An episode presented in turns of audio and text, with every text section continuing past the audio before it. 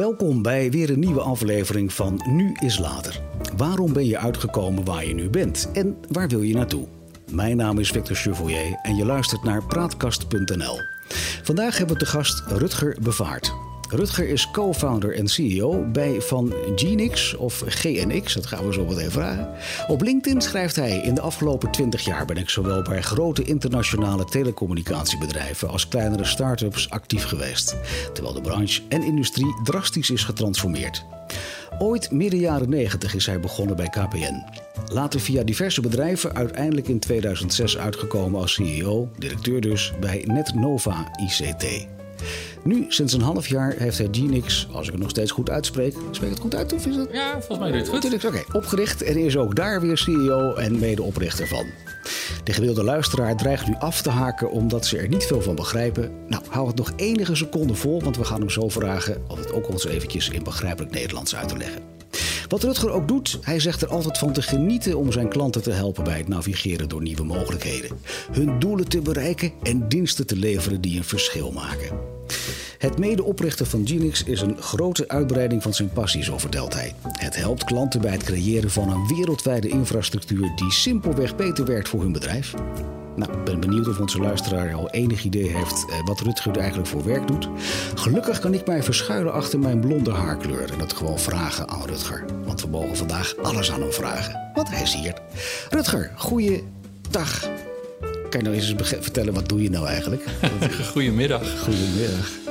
Ja, dat is een hele goede vraag. Um, ik denk als je kijkt naar uh, wat ik vandaag de dag doe, is het met name de, in, in Jip en Janneke taal uh, veel, veel uitleggen aan, aan bedrijven en aan mensen.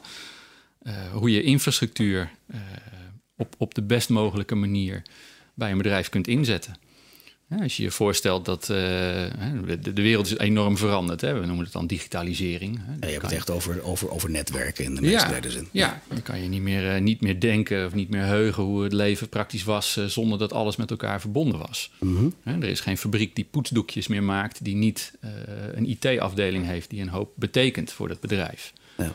En communicatie en communicatietechnologie tussen vestigingen... tussen mensen binnen zo'n bedrijf ja, is, is kritisch. Hè? Als dat er niet is, dan stopt feitelijk het bedrijf. Ja. Maken ze geen doekjes meer en als dat lang genoeg duurt, dan uh, uh, staan er een heleboel mensen op straat. Dus, dus communicatietechnologie, dan ben ik met name geïnteresseerd in de datacommunicatie, dus systemen die met elkaar communiceren. Maar heb je het dan echt over, over software die met elkaar moet communiceren? Gaat het daarover? Ja, dus echt bedrijfsnetwerken. Kun je een heel simpel voorbeeld noemen? Dat, uh, nou, je hebt het over Jip en Janneke taal, maar mm -hmm. dat ik het ook als, als blonde man die daar volstrekt niets van weet. Ja, nou als jij een, uh, een, een, een, een, winkelketen bent, ja. dan hou jij, heb je ergens een centraal magazijn, je hebt een hoofdkantoor, je hebt een heleboel vestigingen waar producten verkocht worden. En in die winkels heb jij toegang nodig tot systemen die mm. centraal ergens draaien van jouw bedrijf. Ja voorraadsystemen, uh, klantsystemen, uh, ordersystemen, uh, logistiek, van allerlei dingen. Maar ook hoe je muziek in je winkel kunt afspelen, hoe je pintransacties kunt verwerken. Um, en binnen zo'n winkel kun je dat dan allemaal nog redelijk makkelijk bedenken. Maar daarna moet dat allemaal gekoppeld worden aan elkaar. Maar dan is jouw taak in feite om, dat, om die koppeling te, Juist. te bouwen. Dat is, dat is jouw specialiteit. Juist. Oké. Hoe, kom je, hoe kom je daaruit dan om, om, om juist dat specialisme te doen? Um, ja, dat is wel een interessant verhaal. Ik, uh, ik heb in, uh, in Delft gestudeerd. Ik ben ingenieur en ik ben ingenieur geworden in de microelektronica. Ja. Dus ik heb me lang geleden bezig gehouden met het ontwerpen van, uh, van IC's. Hoe je dat doet en hoe je dat kunt automatiseren. IC's? Chips. Dus okay. alles waar je telefoon van gemaakt is tegenwoordig, ja. al je computers. Dit schitterende audiosysteem waar we naar kijken. Ja. Alles. Ja, dat zien de mensen thuis ook. Not, maar goed. En um, die dat is natuurlijk een hele, dat, dat is een high-tech business. Ja. En, uh, ik uh, was klaar met mijn studie. Ik heb nog een tijd in het buitenland bij een bedrijf gewerkt.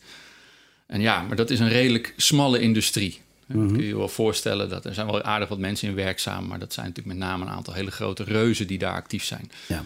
Dus toen ik uh, me eens ging afvragen waar ik dan zou gaan werken en wat voor soort werk ik dan zou gaan doen in dat werkveld, toen was het eigenlijk vrij smal. Mm Kon ik eigenlijk bij Philips gaan werken, ik kon bij Philips gaan werken of ik kon bij Philips gaan werken.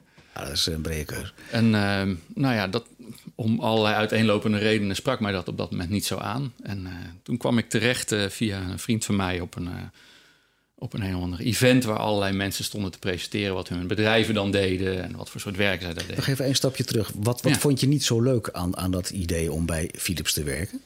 Um, omdat in die fase dat op mij allemaal niet innovatief overkwam. En dat wilde je juist niet, wel. Ja. Jij wilde vernieuwend zijn. Uh, ja. Over welke jaren hebben we het nu? Uh, dat is eind jaren 90. Okay. Dus uh, 96, 97, ja. die periode. Ja. De, de, tijd van het beroemde Philips Natlab. waar je destijds in Eindhoven kon solliciteren. Ja. Oké. Okay. Ja. ja. je, je merkt de, wel dat je in... in de patentenfabriek van, van Philips. Oké, okay. fijn dat je dat toelicht. Want ik wist niet waar je het over had, zeg maar. Ja. En uh, nou ja, goed, ik ben toen uh, naar een aantal van die uh, praatjes geweest. En één praatje was van, van een jongen die werkte bij, bij KPN Research in Leidsendam. Mm -hmm.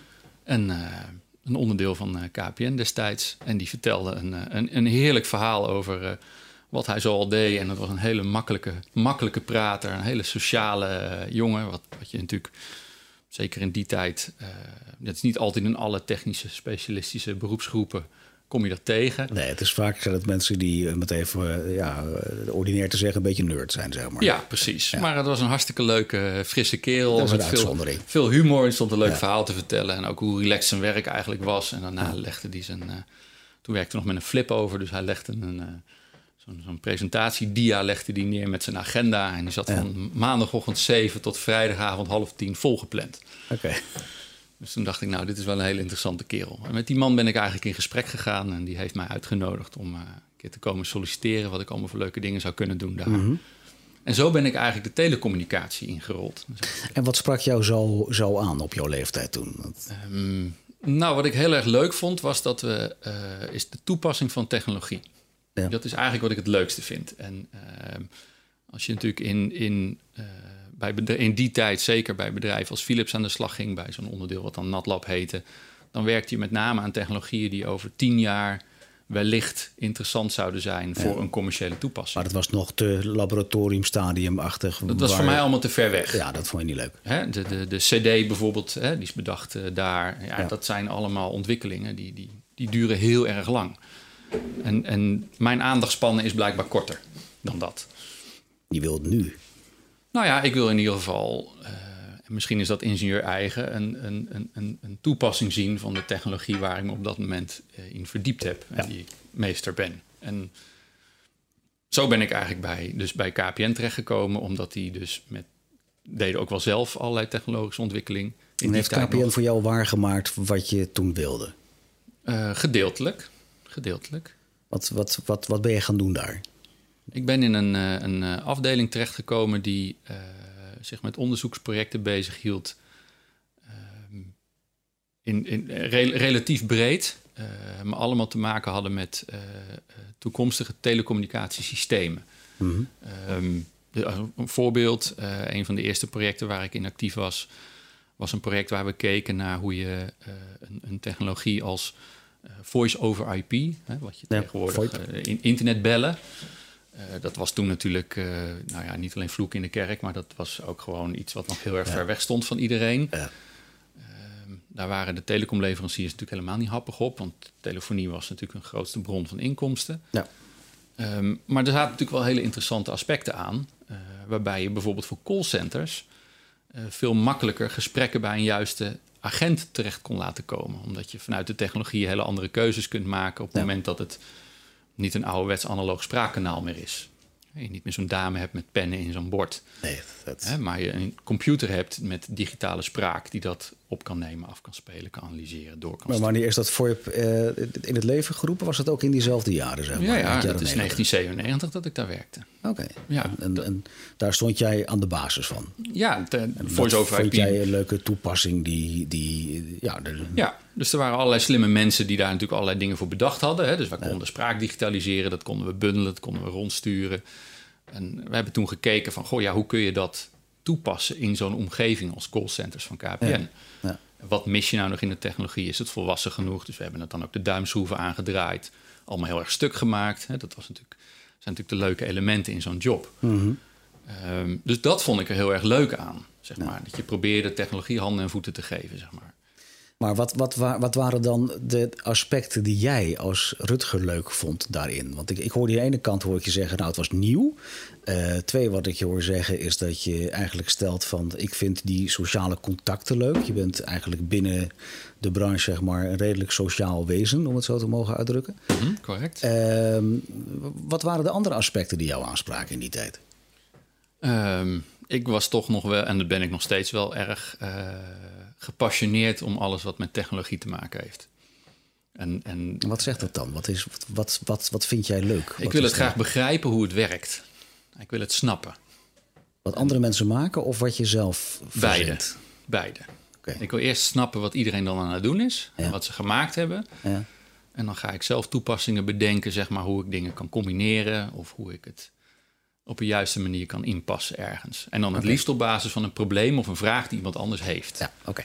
En, en, en dat heb je een aantal jaren bij uh, eh, KPN mogen doen? Jaar ja. 16 meen ik van je uh, LinkedIn-profiel vandaag gejat te hebben. Maar... Ja, uiteindelijk opgeteld heel wat jaren. Maar mijn klus bij KPN Research is denk ik een krappe twee jaar geweest. Want wat ik eigenlijk daar vrij snel ontdekte was dat... Nou ja, wat ik eigenlijk vooraf bedacht wat ik dan bij Philips tegen zou komen. Wat ik dus daar dus nooit geweten was daar ook was. Want we deden allerlei projecten waar we een hoop tijd en energie in staken. En dan zei iemand, nou, dat was leuk en dat ging dan op de plank. En er gebeurde niks meer mee. En dan gebeurde er niks meer mee. Dus dat, ja. Maar toen ben je andere dingen gaan doen weer in KPN. Ja, toen ben ik uh, via opdrachten die ik dus vanuit KPN Research voor KPN deed... in contact gekomen met allerlei teams binnen KPN. En toen ben ik uh, bij een, uh, een, een, een, afdeling gaan werken binnen KPN... die maatwerkoplossingen voor grote klanten van KPN realiseerde dus uh, neem een, eh, een, een, een, politieorganisatie of neem een, uh, een autodealernetwerk in Nederland.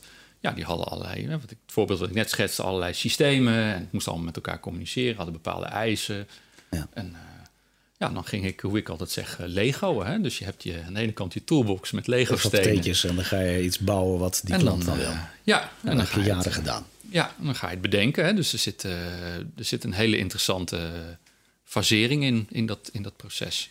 En dat heb ik een heel aantal jaren gedaan. Uh, op, tot Met veel liefde als ik je zo hoor en zie. Ja. Dat vond je wel leuk, toch? Ja, vond ik superleuk. Ja, Eerst met name in Nederland. En uh, ja, toen kwamen natuurlijk... Uh, wat is het, zo rond 2000 had je die hele dotcom-bubbel. Dus alles moest, iedereen moest internationaal, het moest groter. En de sky was the limit. We zien allemaal Nina Brink nog uh, op televisie staan. Uh, natuurlijk World Online was dat, geloof ik, hè? Ja, precies, ja. ja. En een heleboel andere fantastische initiatieven... waar ik uh, zijdelings of direct bij betrokken geweest mocht zijn. En, ja. ja. je denkt het is allemaal niet waar. Maar goed, heel veel internationale... Ik, ik zie dat die tijd jou wat doet. Ja, zeker. Geef, geef eens handen voeten aan dat gevoel wat het bij jou brengt, die tijd. Um, ik denk een, uh, een uh, bepaald gevoel van nostalgie. Ik, uh, ik ben erg gevoelig voor. nou, ik vind technologie heel interessant, dus ik vind ook geschiedenis van technologie heel interessant.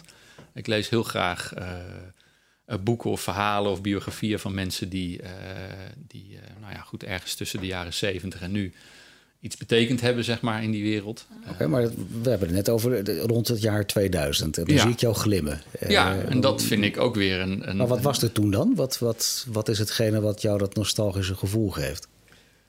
Nou ja, het was gewoon een enorme puinhoop. Met uh, enorm veel mensen die uh, geprobeerd hebben in een hele korte tijd heel erg rijk te worden. Ja. Wat sommigen ook gelukt is. En wat een heleboel mensen ook gelukt is. Um, was dat de grootste drive, denk je, in die tijd?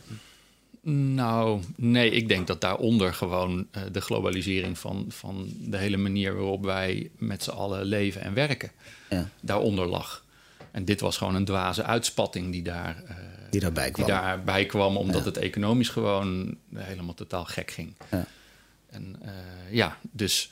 Maar wat vond jij dan leuk in die tijd? Um, waren de elementen die het. Nou, ik denk gewoon het, het, het, gevoel dat je. Ik ben geen surfer, maar ik kan me zo voorstellen dat als jij een surfer bent en je staat op die plank en je staat op een geweldige golf, dan weet je dat die golf uiteindelijk uit, eindigt in een klap. Maar maakt niet uit, en die, is voor, die en die is voor het strand of die is op het strand. Maar ja. uh, je staat erop en je bent het aan het doen. En ja. zeg maar, dat, dat gevoel dat je midden in een periode zit die, die uiteindelijk uh, heel betekenend gaat zijn voor. Maar voelde jij toen ook al aan dat dat echt, zoals je dat omschrijft, dat het misging? Dat het dan niet goed zou gaan? Ja, dat voelde je wel aankomen. Ja. Oké. Ja. Was niet echt uh, nieuw nieuw. Nee. En toen ging het mis. En toen? Wat, wat, wat deed dat met jou? Um, ik vond het... ik vond het op zich een... een dat was voor mij persoonlijk wel een... een, een had ik wel echt impact. Ik was, nou, Wat voor impact? Na een jaar of zes, zeven KPN had ik zoiets van... ja, ik kan hier mijn hele leven werken. Ja. Uh, dat waren ook genoeg mensen die dat deden. En nog steeds werken, denk ik. Uh, en nog steeds ook wel, denk ik. Alhoewel ja. die bedrijven natuurlijk allemaal heel erg veranderd zijn. Ja. Uh, ook van qua, qua, cultuur. Maar um, ik was bij KPN weg. Ik was een nieuw avontuur aangegaan. Dat was ook in diezelfde periode? In die periode, okay. uh, begin 2000. Omdat ik dacht van, uh, ja, als ik hier blijf werken, dan, dan word ik ook groen, zeg maar. Hè? Ja. Dat is een beetje zo het, het, het, uh, het, label wat altijd geplakt wordt op mensen die, die tussen aanhalingstekens te lang bij KPN gewerkt hebben. Hè? Die, zijn, die worden groen. Ja. En uh, daar kom je dan ook niet meer vanaf. Dat is dan het stigma wat daar. Ja, dan, wat dan blijf je hangen. En dat wilde jij niet. Maar... En dat wilde ik niet. En ik had zoiets van ja, ik wil ook wel zien wat er buiten uh, verder te doen is. En toen ben ik uh, overgestapt naar een, een bedrijf in Utrecht.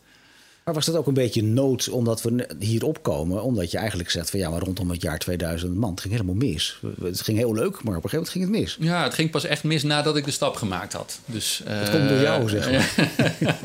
dat uh, verwijt heb ik wel eens gekregen. ja. ja. precies. Die is niet nieuw. Ja, Oké. Okay. Uh, ik ben toen naar een ander bedrijf gegaan ja. in, in, in Utrecht, waar een heleboel mis mee was. ik zal ik verder niet in details treden over namen of wat dan ook.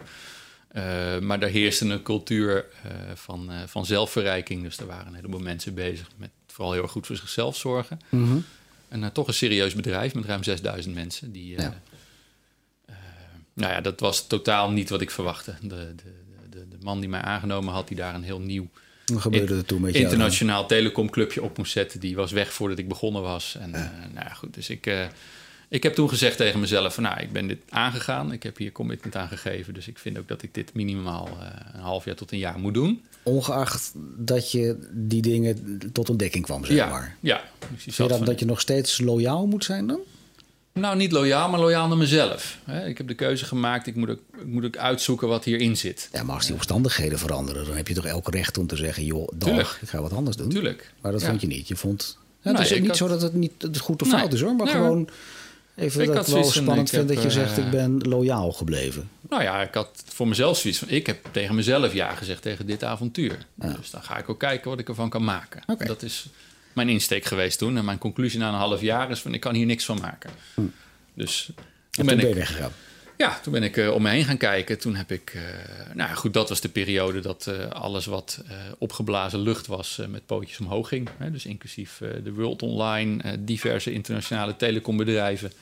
Ja. Die met een enorme zeepbel aan en, en, extreem veel geleend geld. maar fantastische kloppende Excels produceerden en heel ja. veel investeerden in allerlei dingen die niks, niks opleverden uiteindelijk. Oké. Okay. En uh, ja, dus uh, ik heb het faillissement van dat bedrijf uh, mee mogen maken. Toen had ik wel al weer levenservaring. Wel een nieuwe job. Ja, levenservaring van mijn vader altijd dan weer zegt van... was je nou een slechte mens geweest als je dat niet meegemaakt ja, had? Ja, precies. Dus dan zeg ik altijd, ja, dat zul je nooit weten. Nee. Die keuze heb je niet. Als je iets meegemaakt hebt, heb je het meegemaakt. Mm -hmm. Dat is niet altijd een keuze, maar goed. Um, dus dat, hele, dat, dat de hele markt toen weer even bij zinnen kwam, zeg maar... Uh, alles wat gebakken lucht was, of in ieder geval groot deel van wat gebakken lucht was, verdween. Ja. En daar een, weer een, een herschikking uh, of een herbezinning plaatsvond. Ja, dat raakte mij persoonlijk wel. Ja, omdat uh, ja, de club waar ik toen voor gekozen had, ja, in de verste verte natuurlijk niet waarmaakte wat. Wat ben je toen wel gaan doen dan? Want...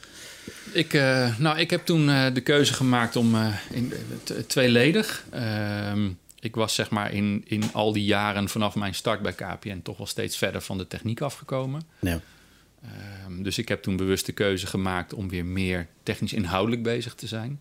Minder het communicatieve wat je eigenlijk aangaf in de start van het gesprek, dat je dat zo leuk en zo goed vond. Nou ja, in ieder geval een andere rol, waarbij communicatie nog steeds belangrijk is. Maar ik was uh, in, in mijn, mijn laatste rol was ik een soort. Uh, productmanager. Hè? Dus ja. ik moest allerlei andere mensen uitleggen hoe de producten en diensten het beste werkten. Mhm. En hoe het werkt en welke schroefjes al maar aan kon draaien, bij wijze van spreken, om welke effecten te sorteren.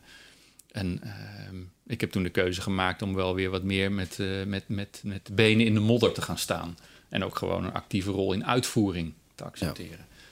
Ehm, ik had zoiets van, nou, dat, dat voelt goed om dat weer te doen, om weer even die basis daar op te zoeken. De technieken veranderen in jouw vakgebied ook als een razende, denk ik. Ja, als een razende, ja. Ja, ja. dat was ook toen al. Ja, dus ik ben ook, uh, ja, je bent nooit uitgeleerd. Ja. Dat is altijd heel leuk als je met uh, scholieren praat. Die zeggen dan, nou, een school klaar en dan ben ik klaar met leren. ja, precies moet ik mezelf vaak wel even inhouden om dan maar niet een predikend verhaal te starten over dat je je hele leven aan het leren bent en dat het een weg is, et cetera. Maar goed. Ja. Dus het raakte mij persoonlijk dat die hele markt uh, kopje onderging. Mm En ik heb toen gekozen om, uh, ja, wederom via een vriend van me die, die bij een, uh, een bedrijf werkte, dat heette CMG destijds. was een bedrijf groot geworden in de detachering en consultancy. Ja. Ehm, wat ging je daar precies doen dan? Ja, om dus te kiezen voor de relatieve rust van een, van een detacherings- en consultingbedrijf. Okay. Hè, waarbij zij dan voor mij leuke opdrachten zochten die in het verlengde lagen van mijn kennis- en vakgebied.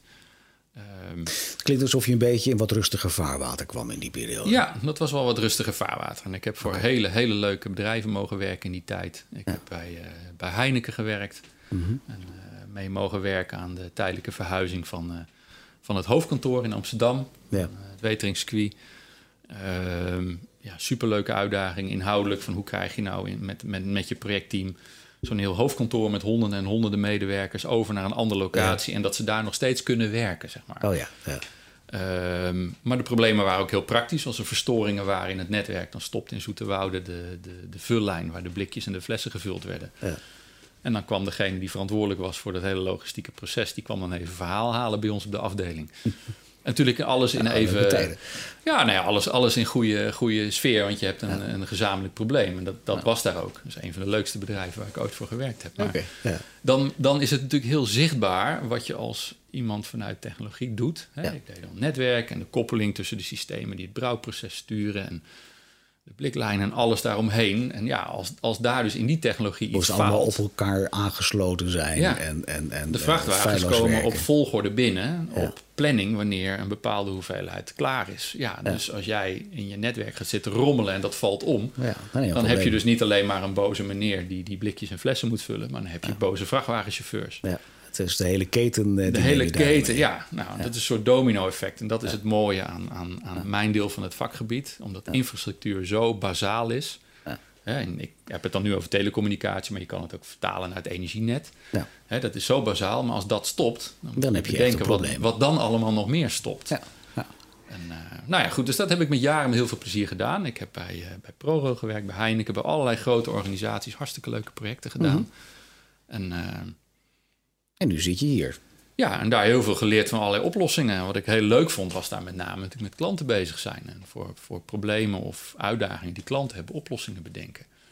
En dat doe je eigenlijk nog steeds, toch? En dat doe ik nog steeds en dat ben ik altijd blijven doen. Ja, dat is iets, want je gaf net aan naar die internetbubbel. Eh, was het eventjes dat je wat, wat, wat, wat meer technisch weer aan de gang ging. Uh, bedrijf wat je nu hebt en er tussendoor ook nog gehad hebt, wat ik me even herinner van LinkedIn, Um, doe je weer echt het klantencontact. Het echt inventariseren van wat er aan de hand is. Ja. Zeg ik het goed zo? Ja. Um, en dan komt, naar mijn beleving, komt daar een beetje de rode draad in jou naar, naar voren. Als ik dan een half uur geleden reken, zeg maar. Um, is die combinatie van de techniek en, en, en dat verwoorden, dat, dat sociaal inmasseren, ja. communiceren. Zeg ik het goed zo? Is dat, ja, is dat hetgene waar jij goed in bent? Ja, ja, een collega heeft mij wel eens een storyteller genoemd. Hmm, ja, nou ja, misschien op je eigen vak, vakgebied dan. Ja, precies. Ja, ja. ja. ja. Um, maar wat is dan hetgene wat jij daar zo leuk aan vindt? Wat is nou zo leuk dan aan dat storytellen, zoals je dat zelf noemt? Uh, ik vind het heel leuk om, om, uh, om, om technologische ontwikkelingen en dingen die er gebeuren in mijn vakgebied te vertalen naar wat, wat bedrijven of individuen daar dan vervolgens mee kunnen. Mm -hmm. Mijn favoriete uh, hulpmiddel als ik bij bij klanten ben, is ook een whiteboard. Ja. Hè, waarop je dingen inzichtelijk kunt maken en dingen kunt uitleggen. Mm hè, je kunt uitleggen van, goh, oké, wat kun je... Heel bazaal, wat kun je met cloud? Hoe kun je dat inpassen in je, in je bedrijf, in je bedrijfsstrategie? Ja. Hè, maar als je dat doet, wat heeft dat dan voor gevolgen op je infrastructuur? Ja. Hè, en het is natuurlijk maar een, een, een deel, maar het is het deel allemaal onder wat iemand met zijn bedrijf doet en waar die probeert succesvol mee te zijn. En als ik zeg van ja, je maakt poetsdoekjes, dan kun je daar een heel mooi beeld bij vormen. Dat lukt alleen maar omdat daar iets onder zit. Het is wel afhankelijk of je bekend bent met poetsdoekjes natuurlijk. Maar ja. daar ga je een beetje vanuit. Ja. Het is een leuk, ja, je kan ook zeggen blikken, blikken soep. Of, uh, ja, nou ja, bier. Dat, bier vond ik een mooi voorbeeld wat je er straks van Heineken zei. Uh, maar je werkt nu min of meer als, als een losstaande consultant... die, die uh, specifiek voor opdrachten komt? Hoe, nee, nee ik, heb, uh, ik heb vorig jaar zomer samen met een, een, een jonge Rick... die ik al al een jaar of tien ken inmiddels, uh, heb ik een, uh, een uh, initiatief opgezet, wat wij dan GNX noemen. Um, en de doelstelling Kijk, van... Zo moet je het uitspreken, GNX. Ja. De doelstelling van, van GNX is om bedrijven wereldwijd te ontzorgen daar waar het gaat om connectiviteit. He, dus als jij Klinkt dat mooi? Te ontzorgen op het gebied van connectiviteit. Ja, maar dat zal ik handen en voeten geven. Dus ik, ik, ik, maak een mooi voorbeeld. Ik stel, ik ben uh, een Nederlands bedrijf en ik maak uh, speelgoed. Ja. Skelters, klimtoestellen, weet ik wat. Nou, dan zie je dat we de, de afgelopen decennia een, een, enorme slag gemaakt hebben in dat we hier in Nederland daarvoor de expertise hebben. Mm -hmm. We doen hier het ontwerp, we doen hier de, de commercie, de verkoop het proces, de kwaliteitsbewaking, alles wat ermee te maken heeft. Maar de productie van die spullen besteden we liever uit aan landen waar mensen voor minder geld per uur die dingen dat, kunnen uh, produceren dan ja. dat wij dat kunnen. Ja. Hè? En, uh, of dat dan China is, of de Filipijnen of Vietnam. Er zijn inmiddels natuurlijk heel veel landen die daar uh, actief in zijn. Dan heb je de uitdaging van, goh, ik heb hier dus al mijn know-how, ik heb hier mensen. En dan heb ik op allerlei locaties heb ik vestigingen. Net als het voorbeeld van de winkelketen die ik eerder mm -hmm. gaf. Um, dan kun je in al die landen kun je zelf met de lokale KPN bellen en kijken of je iets kan inkopen. Hè, wat voldoet aan je eisen en wensen. Hè, waarbij de eerste uitdaging dan is: wat zijn je eisen en wensen en hoe krijg je die helder? Ja, dat is voor jou een uitdaging, denk ik. Uh, nou ja, dat is iets waar wij klanten dus mee helpen. Ja. Hè, met een whiteboard en dan gaan we gewoon praten. Wat, wat heb je nodig? Ja, wat ben je aan het doen? Wat, ja. wat, hoe ziet je bedrijf eruit? Hoe, wat is jouw relatie tussen je bedrijf en technologie? Hoe ondersteunt dat het, het bedrijfsproces? Als, het, als we het nu uitzetten, loopt jouw bedrijf dan door? Ik kan me zo voorstellen ja, dat nee. je dan ook hele boeiende gesprekken hebt... in de zin dat er soms ook binnen bedrijven dingen helder worden... die ze nog niet eens wisten. Ja, dat klopt. Ja. Dat, ik herken dat wel vanuit bijgewerkt. Zeg maar. dat geloof ik, ja. En uh, dat is vaak omdat je natuurlijk als buitenstaander ergens instapt... en gewoon bleuwe vragen stelt. Ja, precies. Ja. En dat kan al enorm helpen. Ja. Uh, en dan probeer je met elkaar de casus helder te krijgen. Hè? En, en, van daaruit maak ik dan de vertaling naar de techniek. Wat zou mm -hmm. dat dan? En dan kun je wat verschillende scenario's uiteenzetten. Van nou ja, goed, vaak heb je. Uh, ja, als je een auto gaat kopen, heb je ook heel veel keuze. Hè? Wil je heel hard kunnen rijden? Moet het er heel goed uitzien? Moet het heel veel status hebben? Moet het heel zuinig zijn? Hè, er zijn allerlei, criteria. allerlei criteria aan vast. Precies. Nou, dat is ja, in mijn vakgebied natuurlijk precies hetzelfde. Dus dat als je die speelgoedontwerper en fabriek, mm -hmm. ja, die heeft ook bepaalde behoeftes. Nou, die kan dus lokaal allerlei partijen gaan bellen. Dan krijgt ja. hij allerlei uh, verschillende talen, verschillende tijdzones, verschillende munteenheden. Allerlei dingen die niet op elkaar afgestemd zijn. Of hij vraagt het ons en dan helpen wij hem en dan regelen wij het allemaal. En dan heeft hij een Nederlands contactpersoon, heeft hij ondersteuning vanuit Nederland, heeft hij een projectmanager in Nederland. Kan hij met een lokale partij zaken doen en wij regelen dat wereldwijd. En dat betekent dat je dus daarin uh, eigenlijk een, een, een, een um, ja, hoe noem je dat? Een, een soort vertolker bent. Uh, van de ene plek naar de andere plek. Van het ene land naar het andere land. Van de ene valuta naar de andere valuta. Ja, ja. Uh, waardoor hij toch in real time overzicht heeft van wat er gaande is. Ja, precies. Oké, okay, dat, is het, dus dat is het hele idee. Ze kunnen met maar, ons één contract afsluiten. Gewoon hier in Nederland onder Nederlandse ja. voorwaarden. En, en het probleem hoe wij dat dan in het buitenland allemaal regelen voor ze dat is ons probleem om op te lossen. Ja, leuk. Dus de complexiteit wordt niet minder. Nee.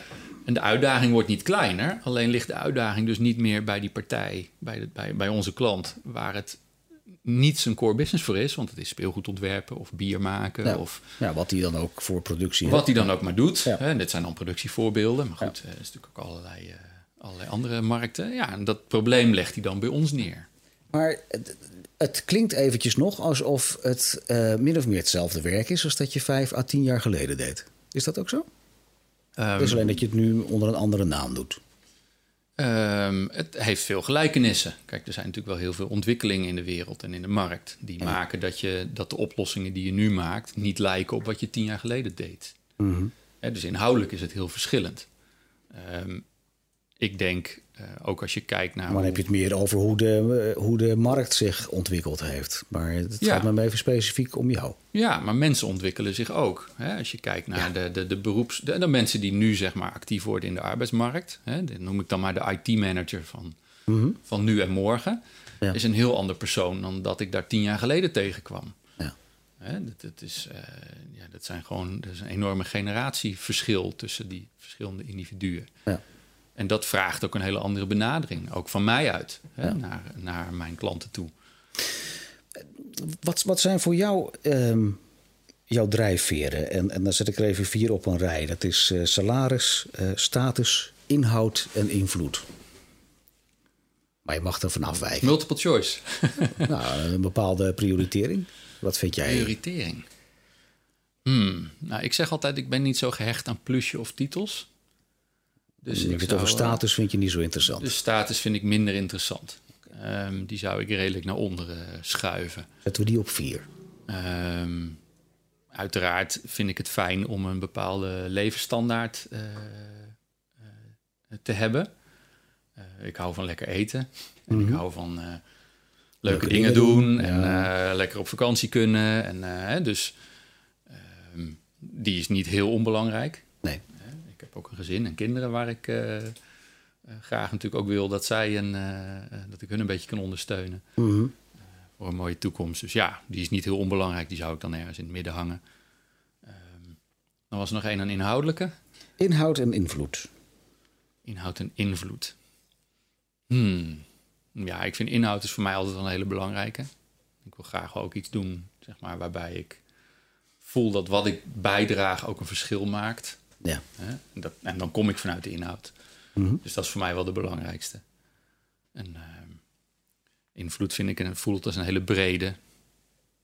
Ik ben ook niet politiek actief of zo. Dus nee, maar zo hoef je hem ook niet te zien. Je kunt ook zeggen dat je invloed hebt op, op het werk dat je doet. Invloed op het bedrijf, invloed op de okay, Ja, dat vind ik dan wel weer leuk. Zeg maar, als je ziet dat wat je, wat je brengt aan, aan, aan aan skills zelf. Hè? Dat, dat die iets positiefs bewerkstelligen, zeg maar, bij de mensen waar je mee werkt. Ja. Dat, als ik dan zo invloed vertaal, zeg maar, dan vind ik dat een heel erg leuk. Dat is wel belangrijk. Ja, dan vind ik dat de belangrijkste eigenlijk. En dan dat ik zeg van, nou, dat doe ik dan vanuit de inhoud. Dat is dan twee.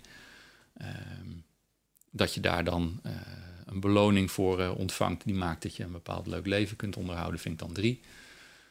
En, dan dat dat bepaalde status uh, verzorgt, dat vind ik eigenlijk de minst interessante. Waar zit uh, Rutger over vijf jaar? dat is een hele goeie. Ik, uh, ik ben vorig jaar met mijn compagnon dit waanzinnig leuke avontuur aangegaan om dit, om dit op te zetten. Mhm. En ik denk dat wij over vijf jaar nog steeds als een gek bezig zijn om, om dit initiatief verder uit te bouwen.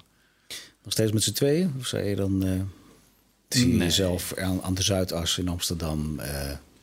Nou, we hebben, uh, dat is wel heel leuk. Rick en ik hebben wel uh, aan de gevoelskant zitten wij redelijk op hetzelfde, op hetzelfde vlak. Hij is wel een heel stuk jonger dan ik ben, dus dat is ook wel weer heel leuk. Het geeft een mhm. hele andere, hele leuke dynamiek en energie in onze samenwerking. maar we hebben onder andere een aantal maanden geleden een, een, een, enorme hoeveelheid kantoorruimtes bekeken. Omdat we toch een plek zochten waar we ook gewoon samen zonder andere invloeden je ding kan doen. Ons ding konden doen en ook samen zeg maar, uh, schouders ergens onder konden zetten. In plaats van dat we altijd een beetje parasiteerden op uh, kantoren van mensen die we kenden, waar we dan uh, een ruimte gebruikten voor een dag of een dagdeel. En ehm, het was heel gaaf om te zien, zeg maar, dat we, dat we dezelfde kantoren op dezelfde argumenten direct afsabelden. Dus we zijn okay. allebei heel erg gevoelig voor sfeer en omgeving. En, dan geven ze een paar woorden aan die sfeer die je dan belangrijk vindt met je compagnon. Nou, wij vinden het heel leuk als de omgeving op een bepaalde manier een, een inspirerende prikkel geeft. Dus eh, we hebben allebei niks met, met allerlei uh, industrieterreinen die vol staan met kantoorgebouwen. Ja, precies. En het, naar buiten moet een bepaalde sfeer hebben. Het moet... dus we houden van. Misschien is dat juist. ook die Zuidas toch in beeld, denk ik. nou, misschien is het leuk om.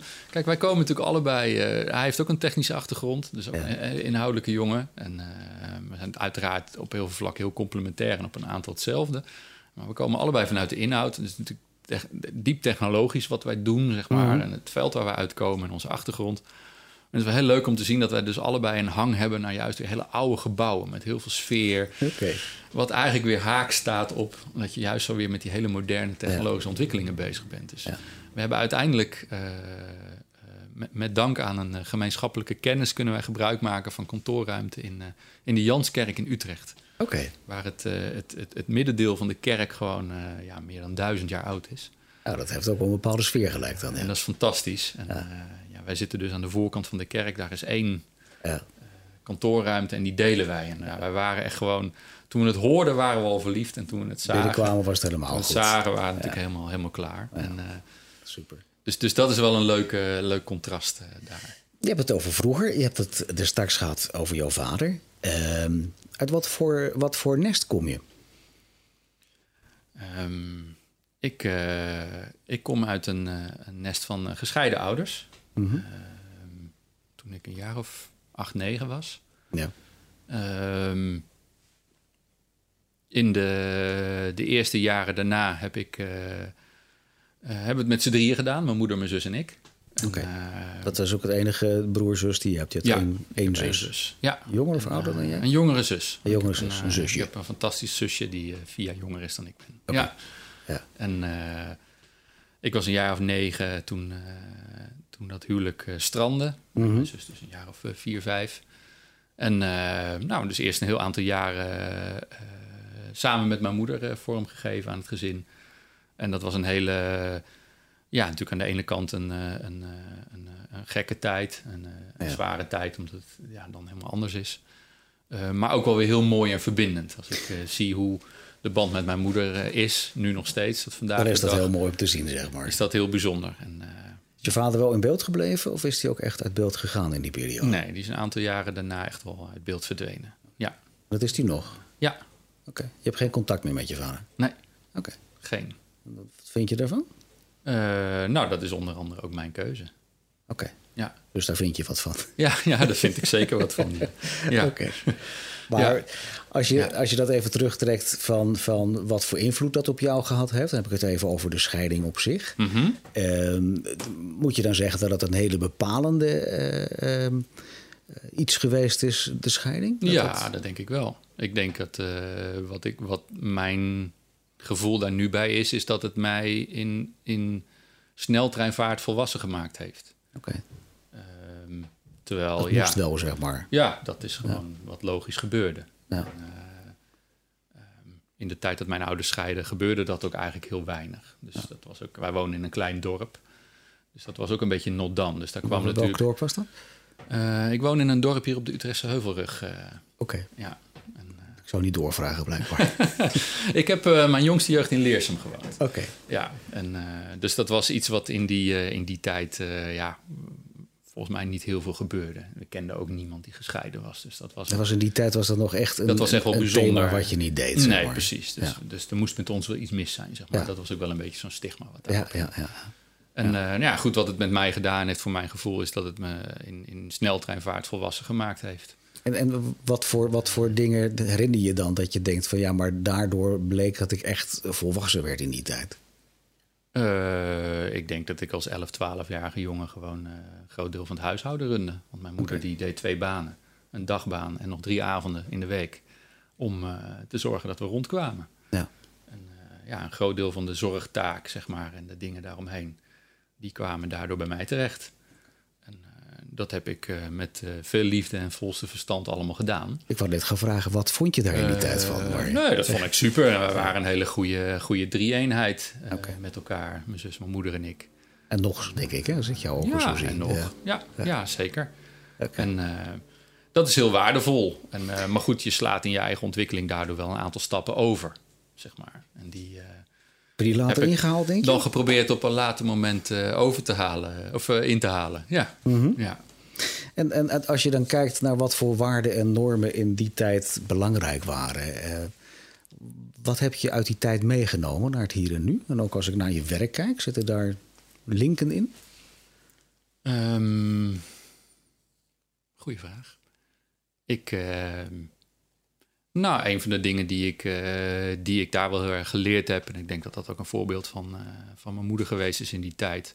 Als je in de shit zit, dan zet je je schouders eronder. Mhm. En dan ga je gewoon aan de slag. En dan pak je het aan. Niet lullen, maar poetsen idee. Ja, je kan uh, natuurlijk in, in, een hoekje gaan zitten en jezelf heel erg zielig vinden. Ja. Of je raapt jezelf bij elkaar en je gaat gewoon aan de slag. Ja. En, en, en, dat is absoluut één die ik uit die tijd meegenomen heb. Uh, ja. Heb, denk, heb, je dat gebracht waar je nu bent, denk je?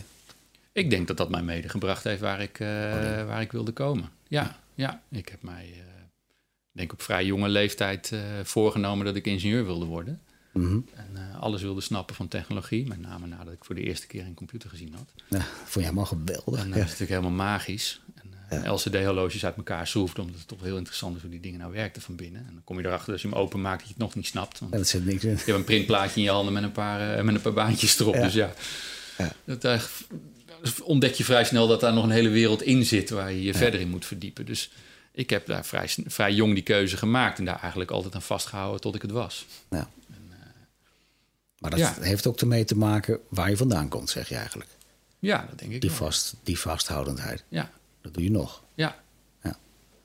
Leuk hè, hoe dan zo'n zo'n lijn terugkomt, zeg maar. Ja, Zijn er meer waarden en normen die, je, die je zegt van nou, dat je misschien ook nu aan je eigen kinderen doorgeeft? Ja, ik denk, uh, ik denk ook commitment. Als je iets aangaat met elkaar, dan, uh, dan zing je de rit uit. Ja. En dan, hoe dan ook. Hoe dan ook, ja. ja. Zie je gelijk van die felle ogen erbij. Ja, dat is ook echt zo. ja, nou ja, goed. Ik vind niet. Uh, kijk, uh, mijn vader heeft blijkbaar ergens het idee gehad uh, dat, het, dat hij wel een gezin had, maar dat dat iets was waar hij uit kon stappen. Mm -hmm. En dan zeg ik niet dat mensen koet, koet, koet altijd bij elkaar moeten blijven. Alleen ja, met de Noorderzon vertrekken en, en, en alles achterlaten, dat vind ik dan wel heel cru. Dat is een heel iets. ander idee. Hè? En, ja misschien uh, is dat ook tijdsgeest of onvermogen om, uh, om uh, tot andere oplossingen te komen. Mm -hmm. Maar ik denk dat die kansen er voldoende geweest zijn. En, ja, dus ik, dat is wat ik ook. Zo te horen en te zien, neem je het hem nog steeds kwalijk. Hè? Ja, zeker. We zijn ondertussen, wat is het, hoeveel jaar verder?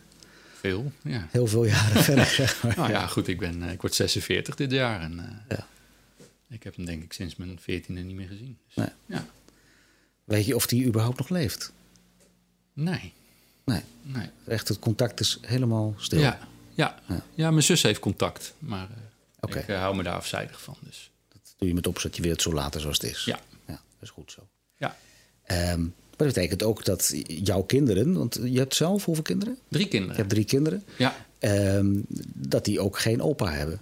Wat vind je daarvan dan? Nou, we verkeren in de gelukkige omstandigheid dat mijn moeder een nieuwe liefde gevonden heeft. Toen, okay. ik, uh, toen ik een jaar of nou, een jaar of 15, 16 was. Ja. Denk ik even zo uit blote hoofd. Mm -hmm. En uh, daar nog steeds uh, gelukkig samen mee is. Oké. Okay. En, uh, dus ja, voor mijn kinderen die. Is dat weten dat de opa en oma? Ja, die weten dat dat niet mijn, mijn biologische vader is. Maar voor hun in, in alles. En, en voor mij zeker ook. Hè, als ik zie wat wat dat mij nog gebracht heeft in mijn leven, dan uh, is, ervaar ik dat als heel waardevol. Je, je, je, geeft eigenlijk daarmee aan van, joh, ja, natuurlijk, het, als ik aan mijn biologische vader denk, dan, dan, dan was dat niet leuk, was dat naar. Maar de huidige vriend van mijn moeder heeft eigenlijk in dat opzicht die rol heel goed opgenomen en ja. doet zijn ding daarin, zeg maar. Ja, heeft mij ontzettend uh, gesteund in mijn, uh, in mijn, mijn, mijn, drive om, om ingenieur te kunnen worden, om hij heeft gewoon een, uh, ja, een, uh, destijds een, een, een, een, een puber uh, erbij gekregen, zeg maar, toen hij, toen hij verliefd werd op mijn moeder. Ja. Of dan twee pubers natuurlijk. En dan mijn zus, dit, mijn zus ook. Ja, en dan, ja, dan krijg je een jongen die, die natuurlijk al een paar jaar lang vindt dat hij het allemaal zelf prima kan regelen. Ja, precies. Ja. Zal hij zijn handen vol gehad hebben. Maar we hebben, we hebben Heb je in de tussentijd je excuses aangeboden voor die periode?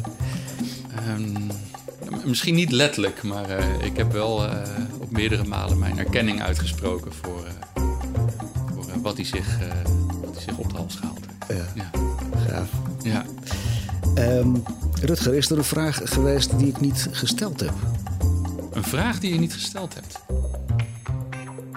Is net zo'n vraag als uh, van weet je wat je niet weet? nee, misschien dat jij ondertussen de afgelopen tijd even dacht van... nou, misschien gaat hij dat nog vragen. Dat wil ik ook kwijt. Nee, nee, nee. Nee, ik vind het een heel plezierig gesprek Oké, ja. Nou, dankjewel daarvoor. Ja, graag gedaan. Um, dit was weer een aflevering van uh, De Praatkast. Als jij iemand wil aanmelden voor Nu is Later, stuur dan een mail naar info.praatkast.nl. Mijn naam is Victor Chevoyer. De Praatkast wordt je aangeboden door het Transitie Instituut. Het Transitie Instituut begeleidt werkgevers, werknemers en teams bij veranderingen. En zoals je net hebt gehoord, als mens ben je voortdurend in beweging. In je werk, in je relatie met anderen en op persoonlijk vlak. En steeds weer doe je nieuwe ervaringen op. Ervaringen die weer tot nieuwe inzichten en nieuwe doelen leiden. Zo ben en blijf je in beweging. Dat is leven. Maar wat nu als die beweging stopt? Als je het even niet meer weet? Nou, wanneer je worstelt met dit soort vragen, is het goed om daar eens met iemand over te praten. Iemand die om te beginnen naar je luistert zonder een oordeel te hebben. De werkwijze van het Transitie Instituut kenmerkt zich door aandacht, respect en de waardering voor wie je bent als mens. Hartelijk, uitnodigend, maar soms ook confronterend. Wat je vraag of probleemstelling ook is, je kunt altijd bij het Transitie Instituut terecht voor een kosteloos eerste gesprek. Als jij of je organisatie ook toe is aan verandering, kijk dan op www.transitie.nu. Wees welkom. Dankjewel voor het luisteren nu eens later van de Praatkast en graag tot de volgende keer.